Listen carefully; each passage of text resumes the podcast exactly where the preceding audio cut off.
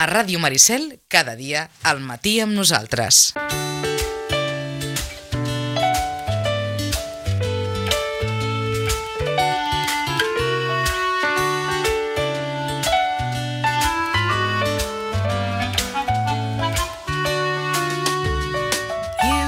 Complaining, sitting in the sofa, pretending everything's fine. You know that you got me waiting, you got me looking to see the metamorphose. Les 10 i 5 d'avui dijous és hora del menjar sa. No need to do all that. Be a bit curious, travel around. Un espai que fem amb el nutricionista responsable del Servei de Nutrició del Sorli Esport a Sitges, Jaume Jiménez, molt bon dia. Hola, bon dia, com esteu? Molt bé, i aprofitant que aquesta setmana coincidia que dimarts era el Dia de la Dona, doncs hem triat un tema prou femení, perquè avui amb en Jaume parlarem de nutrició en el cicle menstrual. Per tant, avui l'espai dedicat principalment, vaja, a, a, a les dones, perquè són les que menstruen. I d'entrada, la primera pregunta que et faria, Jaume, és si eh, val la pena parar atenció en el que mengem en funció del nostre cicle menstrual. Doncs, a veure, el, el cicle menstrual a la dona fèrtil és un, és un paràmetre de salut. Vale? O sigui, la, les dones que tenen un cicle menstrual regular, en condicions eh, normals, eh, és un símptoma de salut i que en principi tot funciona relativament bé. I això és important que les persones que fan esport, les dones que fan esport, tinguin en compte que tot i que a nivell de rendiment físic el cicle menstrual eh, no, no afecta molt, molt negativament, sí que és veritat que hi ha certs aliments o certes, certs períodes dintre del cicle menstrual que van millor eh, prendre un tipus d'aliment i no un altre, eh, hi ha més risc de deshidratació en una fase del cicle que en una altra, i inclús està, està ben documentat que hi ha més risc de lesió en, en, algun, eh, en algun període concret del cicle menstrual. Llavors això és el que veurem durant el dia d'avui. D'acord, perfecte. Doncs vinga, comencem per on vulguis. D'entrada ja ens quedem amb això, eh? és a dir, que hi ha dades, hi ha estudis que en funció del, del, del període, no? del moment en què et trobis amb aquest cicle eh, menstrual, estem parlant òbviament de dones amb, a, amb edat fèrtil, no? eh, doncs mm, hi ha moments de més risc o de menys risc i per tant val la pena doncs, eh, parar atenció a veure què mengem o què no mengem o què ens alimentem. Per on vols començar? Doncs mira, començarem per un tema, eh, primer de tot, ja he comentat que tenir el cicle menstrual és un signe de salut, d'acord? Llavors, aquestes dones que moltes vegades fan tractaments per perdre pes, eh, dietes miracle, amb restriccions molt grans, i al final se'ls eh, eh, se va la menstruació o, se, o se'ls altera la menstruació, han de, han de saber aquestes dones que una alteració, per exemple, d'una setmana del cicle menstrual, un retard d'una setmana, ja té un impacte negatiu sobre la densitat mineral òssia. Per tant, és molt important que les dones eh, consumeixin la quantitat de calories necessàries en funció de la seva activitat per evitar alteracions en el cicle menstrual. Ja és un tema que hem de tenir molt en compte perquè ja s'ha vist que l'impacte sobre la massa òssia eh, pot venir amb un retard bàsicament de, de 7 dies. O sigui, imaginem a una dona que se li va la menstruació durant dos o tres mesos. O sigui, l'impacte negatiu sobre la massa òssia és important. Uh -huh. Per això... tant, eh, tenir en compte això, que moltes vegades podem no donar-li importància, no? Mira, aquest mes se, se m'ha retirat eh, la regla i potser has estat fent una dieta eh, molt estricta, que això moltes vegades passa, o, o qualsevol altra cosa, compte, eh? perquè estem parlant de salut, estem parlant de salut, és a dir, eh, la menstruació té una raó de ser, no? I, en, en el nostre organisme, no? I per tant, eh, no, no, hem d'intentar no jugar amb això ni fer res que pugui eh, eh, perjudicar eh, en, aquests, en aquest sentit. Per tant, compte amb aquestes dietes tan restrictives, compte que els casos més extrems els tenim amb esportistes, no? n'hem sentit a parlar moltes vegades, no? esportistes d'elit, eh, de gimnàsia rítmica i coses d'aquestes que antigament es feien bestieses amb dietes hiperrestrictives i se'ls en retirava la, la menstruació durant molt de temps i això els hi causava molts problemes després de grans. Antigament i actualment. I actualment encara, encara passa. Sí, perquè avui dia Bueno, doncs, doncs anem, anem, anem per al cicle. Eh, agruparem per períodes. Tenim el primer període quan vaig a la menstruació. D'acord? Aquests dies que poden ser entre 1, 3, 5 o 7 dies normalment, aquests dies eh, normalment la dona té més gana perquè eh, és veritat que un mecanisme de societat està alterat, d'acord? Llavors, què passa? Per reduir o, o per donar eh, més sacietat, és important que la dona incorpori, quan té la menstruació, aliments més rics en proteïnes. Per exemple, augmentar la porció de carn, de pell, de proteïna vegetal, perquè la proteïna té un efecte més i podrà mitigar aquesta gana que moltes dones tenen quan tenen la menstruació. Una banda. Per tant, és normal que passi, és a dir, forma part d'alguna manera del cicle biològic, quan eh, en el període en què estàs menstruant acostuma a passar que una sent més gana, moltes vegades tenim tendència a, a, a anar a atacar eh, amb productes malsans, El dol. Exacte, el dol, bàsicament la xocolata, eh? és aquella cosa de dir, "És que, que no, no puc evitar-ho, necessito xocolata o carbohidrat, no? És un, un moment també que al final és sucre, no? Moltes vegades necessites això. Hem d'intentar evitar-ho i compensar-ho augmentant la proteïna que farà que la, el nostre nivell de sacietat baixi, no? Augmentant la proteïna. Exacte. I sobretot, per què, ten- per què te- teniu més gana de vol? Perquè augmenta la, eh, la intolerància als carbohidrats. O sigui, quan la dona té la menstruació, metabolitza pitjor els carbohidrats, per això té més gana de carbohidrats. Llavors, el que ha de fer és augmentar la quantitat de proteïna i, sobretot, reduir i millorar la qualitat de l'hidrat de carboni. Fomentar més el producte integral, fomentar més el consum de fibra i, sobretot, reduir o intentar reduir el consum de sucre, perquè realment, com el metabolitza pitjor, és més fàcil que aquest sucre s'emmagatzemi en forma de greix. O sigui que per, per això passa, passen aquestes coses. No? Llavors, més proteïna, una, menys sucre, més producte integral i, sobretot, també, com és una situació proinflamatòria, perquè hi ha, hi ha un procés inflamatori en aquell moment, és important incorporar eh, àcids grassos monoinsaturats. Per exemple, eh, aguacate, l'oli d'oliva, les llavors, tot aquest tipus de, de productes aniran molt bé per reduir aquesta inflamació que és lògica pròpia del procés de menstruació. Que és lògica, que les dones sabem que és incòmoda, en moltes ocasions molt incòmoda, que de vegades no, no li trobem ni raó de ser, que és com sentim que és quelcom irracional, no ho és d'irracional, hi, ha, hi ha una raó eh, biològica al darrere, però es pot compensar, eh? i podem fer que aquests, aquesta sensació no, d'inflor, de malestar, que moltes vegades en genera doncs, eh, eh, la regla, no? doncs pugui, eh, si, si més no desaparèixer, sí minvar o baixar molt, si cuidem, cuidem la nostra alimentació amb aquests productes que ara deia en Jaume, no? augmentant la proteïna, greixos saludables com l'aguacate o l'abocat, les llavors, etc etc. no? i controlant que els carbohidrats siguin de bona qualitat, eh? per tant, integrals, etc etc. Exacte, jo recomano un producte molt interessant, eh, fet de llegum, perquè la llegum té triptòfan i també millora Mm. l'estat d'ànim en aquesta situació que la dona a vegades també passa una miqueta. A l'humus, per exemple, humus d'aguacate amb llavors, eh, és un producte molt interessant, atipa, no té sucre, eh, té triptòfan, eh, té calci eh, i, i a part aporta àcids grassos monoinsaturats. Per tant, a mi m'agrada molt recomanar a l'humus eh, amb palets de pastanaga, per exemple, en aquest període. Uh Eh? -huh. A més, està boníssim, eh? perfecte, eh? per aquells moments de que tens un atac de gana terrorífic, no sé què, doncs, escolta'm, fer un snack de, amb un hummus, no?, eh, d'abocat, per exemple, amb el que deies, amb bastonets de, de pastanaga, doncs perfecte, et saciarà i et sentarà bé, que al final és el que es tracta, eh? de que ens senti bé i de que aquests símptomes que ens provoca la menstruació, el nostre cicle menstrual eh, cada mes, perquè més recordem que això és cada mes, doncs eh, rebaixin, perquè clar, al final eh, diguem que el malestar que ens genera moltes vegades a les dones és que això és mensual i que, que tens la sensació que, que, és consta, que és tota la vida, de fet, no? Exacte. Exacte. Llavors, bueno, és important, aquestes petites cosetes ja ajuden a millorar la qualitat de vida en aquests dies, no? en aquests 3-5 dies, depenent una mica de la dona.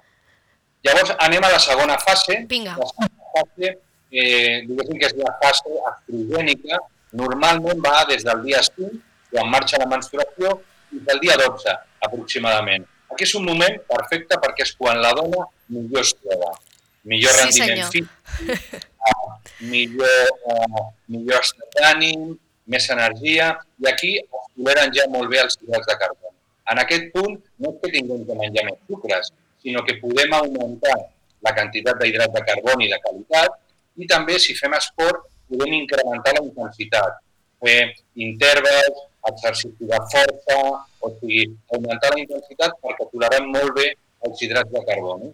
Inclús quan estem, les dones que estiguin fent dietes per perdre pes, per exemple, aquests dies poden menjar una mica més de carbohidrat perquè d'aquesta manera després serà més fàcil que puguin anar baixant de pes, d'acord? No sempre treure carbohidrat és la millor forma per, per millorar la composició. Uh -huh. Per tant, d'alguna manera, eh, això a les dones, a les dones que, que estem en període fèrtil, per tant que, estem, que, que encara tenim eh, la regla, és interessant perquè d'alguna manera ens marca un calendari eh, mensual alimentari, no? amb el que, que, que, que el podem tenir per, com marcat per sempre, és a dir, alguna, perquè al final és el que dèiem, això és cada mes, no? doncs ja ho saps que eh, quan marxa la regla a partir del dia 5 fins al dia 14, per exemple, és quan et sents millor, de fet les noies que fan esport i tenen competicions ho miren moltíssim això i saben perfectament, no? Ostres, que bé, em toca amb, amb aquesta setmana, jo sé que estaré millor, perquè és que, que òbviament ens afecta això, no?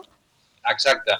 Jo sempre dic a, a les meves pacients, el que dic, que si has de pacar, entre cometes, si t'has de passar, aquest període és el bo, perquè el teu cos funciona eh, una mica, metabolitza millor, no funciona millor, perquè sempre funciona bé, no? Però toleres millor els carbohidrats. Per tant, si has d'anar a un italià, per exemple, perquè t'agraden els italians, home, la millor època per anar és durant aquests dies, no? perquè toleraràs millor els hidrats de carboni. Pots baixar una miqueta la proteïna i en principi pots rendir també. Eh? Uh -huh. Per tant, és un calendari, eh? és un calendari mensual que ens podem marcar les dones en funció del nostre cicle menstrual i d'entrada també entendre que això també crec que és important, no? entendre que forma part de la naturalitat o de la normalitat biològica, que moltes vegades les dones mm, viuen o vivim no? amb aquesta sensació de malestar, i ara per què em trobo malament, per què aquesta setmana em trobo tan bé, tinc la sensació que tinc més energia, que tot em senta bé, i, i, i la setmana següent, de sobte, tens la sensació que t'has engreixat 5 quilos en un dia, i dius, com és possible? I t'apreta el pantaló, i dius, com és possible? Doncs passa, és possible, però es pot mitigar. Exacte. I sobretot també que sàpiguen que aquestes fluctuacions de pes tan grans en, en dies, això és líquid, no és greix. Emmagatzemar greix eh, costa més temps. O sigui, que, jo, que una persona vari un o dos o tres quilos d'un dia a l'altre o dos dies, això és aigua. I poden ser gasos també. Per tant, no ens hem de preocupar. D'acord? O sigui, ho hem de fer molt malament perquè s'emmagatzemi en forma de greix. Uh -huh. Per tant, eh, és, està bé saber-ho, sobretot perquè no ens generi una ansietat e, extrema, no? que també sabem que el tema menstrual també ens afecta l'estat anímic, eh? que després això és que és una cosa, és com es va fent una bola i de vegades arriba un moment que dius, bueno, escolta'm, això és horrorós cada mes. Bueno, ho, hem, ho heu de pensar, jo. ho hem de, clar, òbviament hem de viure, és un, bon, un estat de salut també, eh? compte, que és el que dèiem al principi amb en Jaume, no? Absolutament, els estrògens eh, protegeixen a la dona moltíssim, per tant, bueno, és, és una assegurança de vida. Uh -huh. Llavors, després ens anem a un període una mica complex, que és el període de, de pic d'ovulació, sí. entre el dia 13 i el dia 15 o 16. Que diríem, perquè ens entenguin, és el moment en què qui vulgui quedar-se embarassat és el moment idoni, eh? És aquell moment. Justament, aquests aparells que venen, que fem sí.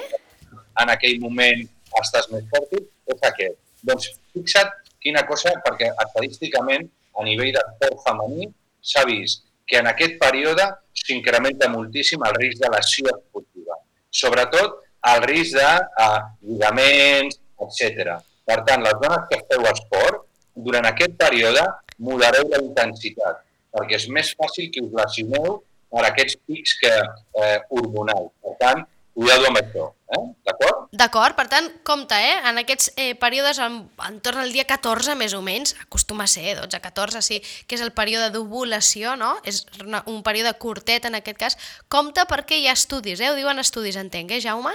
Sí, en el futbol femení, per exemple, eh, que s'ha estudiat molt, la lesió del lligament creuat, que és un, una lesió molt important en una, en una futbolista, és molt més freqüent en aquest període en qualsevol altre moment del sistema. I, i, I això respon a què? A, a...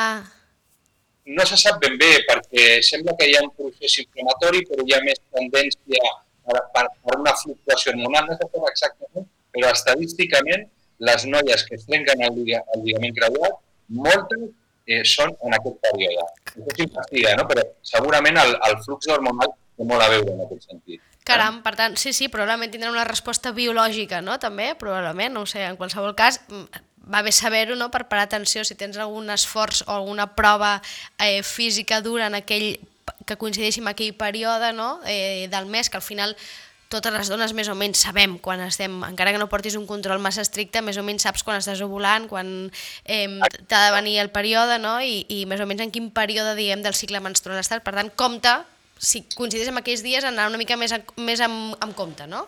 Sí, reduir la intensitat i sobretot una alimentació més antiinflamatòria, d'acord? Reduir tots aquests aliments proinflamatoris com a làctics eh, amb, amb greix, eh, cans vermelles, productes processats, ultraprocessats, sucres, perquè tots aquests aliments són proinflamatoris. Per tant, si ja biològicament tenim una tendència a l'elevació i augmentem la quantitat d'aliments proinflamatoris, és més fàcil que us lesioneu. Per tant, moderar l'hidrat de carboni, d'acord? Eh, augmentar també la ingesta de líquid, és molt important en aquesta fase, i en principi fer una dieta més antiinflamatòria, més rica en fruita i verdura, d'acord? I tot aquest tipus d'aliment en aquest període és important. Mm -hmm. I penseu que venim just d'aquelles setmanes, diguéssim, en què ens trobem més fortes, més bé, no? I que hem pogut, doncs, doncs augmentar una mica el carbohidrat, saciar-nos, per tant, d'alguna manera hem satisfet, no?, eh, possibles capricis, per tant, si hem de controlar una mica més ara, doncs venim d'unes setmanes en què ens hem pogut deixar anar una miqueta més. Exacte. I llavors després ve l'altre període, que és el que es diu diguéssim, la fase ovulatòria, uh -huh. aquí és important perquè les dones que tenen la menopausa eh, també estan en aquesta fase de manera constant. O sigui, les dones fèrtils és un període que dura del dia 17 més o menys al dia 24, uh -huh. aproximadament, però les dones que se'ls ha retirat la menstruació és aquest el període en el que estan sempre. Per tant, uh -huh. les recomanacions que donarem ara serveixen tant per dones fèrtils com dones en menopausa. En procés de climateri o de menopausa, eh? que és aquell moment just, pre, diguem que aquí, el que popularment les dones diem el moment de la mm, preregla, eh? és aquelles setmanes de la preregla, que acostumen a ser les pitjors, diria jo. Bueno, les pitjors vindran ara, però aquesta, aquesta fase uh, hi ha poca tolerància a l'hidrat de carboni, és quan les dones tenen més gana, té més gana de dolç, ¿vale? Perquè metabolitza pitjor els hidrats de carboni. Llavors, aquí sobretot hem de fer una dieta molt antiinflamatòria, d'acord? Eh, menjar peix blau, menjar fruit sec, eh, aguacate, o sigui, tots aquests greixos que són antiinflamatoris, anirà molt bé les semilles de chia, semilles de lino, tot això va molt bé i sobretot també hem de tenir en compte que el tipus d'entrenament millor per fer aquí és un entrenament d'intensitat moderada. Entrenament aeròbic, per exemple. Si hem d'anar a córrer, si hem de fer bici... Aquí l'entrenament aeròbic és molt bé perquè la dona aquí utilitza molt bé els greixos, d'acord? O sigui, és el moment ideal de eh, fer entrenament de llarga distància, per exemple, per estimular la utilització de greixos, perquè la dona eh, eh, metabolitza molt bé els greixos en aquesta fase. Per tant, reduïm el tema dels sucres, augmentem una miqueta la ingesta de greix, però sobretot greixos de qualitat. Eh? Uh -huh. Això, uh -huh. Això que, queda clar. És el moment, entenc, que els estrògens baixen, oi? Exacte. Baixen els estrògens, augmenta la progesterona, llavors es produeix, es produeix aquests canvis. També és important que tingueu en compte que aquí és important la proteïna com a saciant, augmentar l'aport de fibra, augmentar tots aquests fitoquímics, que són aquests, aquests vegetals o fruites de color lila, sí. que són rics en polifenols. Uh, ja vaig comentar en un altre programa la crema o, la, o el puré de col lombarda, per sí. exemple, un producte molt interessant, tot el que són aràndanos, fruites del bosc, tots aquests productes van molt bé perquè tenen eh, un efecte també antiinflamatori. Per tant, aquest tipus d'alimentació anirà millor en aquesta fase. Uh -huh. Estem en aquesta fase, diguem, eh, mm, eh, premenstrual, eh? diguem, eh, del 14 al 28 dia, 8 dia més o menys, no? El 24, el 20... perquè ara concretament la fase més crítica que teniu les dones, des del meu punt de vista, el que jo veig a la sí. és del dia 25 al 28, són dos tres dies, aquests dos tres dies previs, immediatament previs, que aquí és quan la dona, a moltes dones, es comencen, comencen a guanyar pes per retenció de líquids, comencen a tenir alteracions de son, estat d'ànim, eh, gana pel dol, vale? i en aquesta fase eh, seria molt semblant a el que hem comentat eh, de la fase menstrual, on tenim que augmentar l'aport de proteïna, les porcions de car, peix, ou, han de ser més, més importants, on hem que incorporar aquest humus que hem comentat abans, no? els productes que portin triptòfan. La pinya, per exemple, és un producte molt interessant també, perquè també em pot millorar l'estat d'ànim, tot el que són omega-3, d'acord? I, sobretot, en aquests dies, quan més gana de dolç hi ha, quan menys dolç s'ha de menjar perquè és quan senta pitjor. Sí, no? sí, és, que és una mica una lluita contra una mateixa, no? O contra aquell eh, cap. Hem de pensar això, que són quatre dies, no? Quatre dies, que és veritat que són quatre dies que tenim cada mes, que ja a, a ens coneixem, però que entenc que, que, mm, que un cop agafes l'hàbit senta bé i després, com que una se sent bé, no? i se n'adona que doncs, si té uns eh, aquells dies de premenstruació eh, acostuma a tenir dies molt dolents, molta inflamació, molt malestar, molta irritabilitat, etc. De vegades modificant aquests, aquests aliments de seguida nota que aquests símptomes disminueixen i això t'ajuda d'alguna manera no? a que el següent mes ho tornis a fer no? I, i no sucumbeixis a temptacions. Sí, a mi, sobretot a mitja tarda i a mitja matí, quan les dones teniu aquests pics no? més, de, més de gana i tal, a mi m'agrada recomanar, per exemple, un iogurt, eh, iogurt proteic, aquests iogurts sí. un plus de proteïna, ficar-li, per exemple, un parell de nous i un, i un, i un grapadet d'aràndanos. Això és un còctel molt saciant, però també molt ric en fitoquímics, d'acord? I a part atupa bastant, perquè aquests iogurts aporten més sí. proteïna sempre són més recomanables. Els que no mengin làctics, hi ha, hi ha productes vegetals, per exemple la soja, també que estan enriquits en proteïna, han de mirar que no tinguin sucre, d'acord? Uh, I també podem posar el mateix, eh? Uh -huh. vegetal ric en proteïna, amb una miqueta, amb dos tres de nou, amb una miqueta d'aràndanos, això atipa i a sobre uh, ajuda la dona a reduir aquest procés inflamatori li ajuda a reduir la gana. Uh -huh. I, I sobretot l'ajuda també, entenc, a sentir-se bé, perquè entenc, Jaume, que també és important eh, donar el missatge de les dones de que no es castiguin en aquests dies, no? Que moltes vegades eh, hi ha com tendència a fer-ho, no? Doncs perquè com que una se sent pitjor, de sobte doncs això t'apreta el pantaló i no entens per què, i és doncs, per un tema de, de biologia pura, no? I, i el que deies de, de líquids, no sé què, llavors ten, de vegades tenim tendència com a castigar-nos, no? I, i uh, treure'ns-ho tot i reduir-nos, i això moltes vegades després té com repercussions pitjors, diguéssim. Clar, s'ha d'escoltar el cos. El cos s'ha d'escoltar i una vegada l'escoltem li hem de donar justament el que, el que s'està demanant. No? Llavors, aquestes dones que es cuiden, que tenen en compte aquestes petites cosetes, doncs tenen un mes molt més correcte. Clar, imagina, les dones que tenen aquesta, aquest síndrome premenstrual tan acusat i a sobre abusen del faliment eh, proinflamatori, encara es troben molt pitjor. Pitjor estat d'ànim, eh, més dolor, més molèstia, entren en un cicle sí. que és molt difícil sortir. Llavors, en el moment que canvies eh, tot això, és molt més fàcil. Moltes dones milloren molt el síndrome premenstrual que porten de tota la vida molt dolent, justament fent aquests tipus de canvis amb l'alimentació i amb l'activitat física. I compte, i un altre missatge, eh? El cicle menstrual, el cicle menstrual no ha de donar problemes, és a dir, si algú té, entenc, no, eh, Jaume, molts problemes, el que ha de fer és una visita al ginecòleg, perquè això no té que donar tants problemes, és a dir, hi ha aquest, passen aquestes coses i aquesta sintomatologia, però ha de ser més o menys tolerable. En el moment en què això no és tolerable, eh, s'ha de fer una visita al metge. S'ha de supervisar, que no hi hagi cap mena de problema. El que, el que hem recomanat aquí va bé per totes les dones, però evidentment si hi ha un problema afegit, endometriosi alguna coseta, això ha de ser el ginecòleg el que ho ha de diagnosticar. I també amb l'alimentació tenim eines per abordar a aquests casos concrets que pot haver-hi algun problema de salut. Uh -huh. I, i, I després és interessant també pel que dèiem, perquè al final això forma part del nostre mes, de, de les dones, de cada mes, cada mes durant molts, molts anys de la nostra vida vivim això, per tant, en la mesura que eh, millor calendaritzem aquesta alimentació no? en el mes, tenint en compte aquests consells que comentaves, no? doncs sabem que hi ha setmanes que ens podem relaxar més, sabem que hi ha setmanes que si controlem una mica més, després estem millor no? i no tenim tants símptomes, per tant, eh, com més hàbit creem, entenc que millor. Molt millor, sempre. Intentar adaptar l'alimentació i si fem activitat física, doncs també tenir en compte aquestes coses. dietes. Uh -huh. I intentar treure el benefici, eh? Doncs això, sabem que hi ha setmanes que rendim millor, físicament, en aquest cas. Doncs escolta'm, aprofitar-ho, A tope, exacte. Treure-li rendiment, doncs això que l'alimentació també ens ajuda, a, a, a, en aquest cas, a les dones a, a passar això de, de la menstruació, que no sempre és eh, quelcom agradable, d'una millor manera. Jaume, moltíssimes gràcies. Ens, veiem, ens veiem en uns dies. Molt bé, una abraçada. Adéu-siau.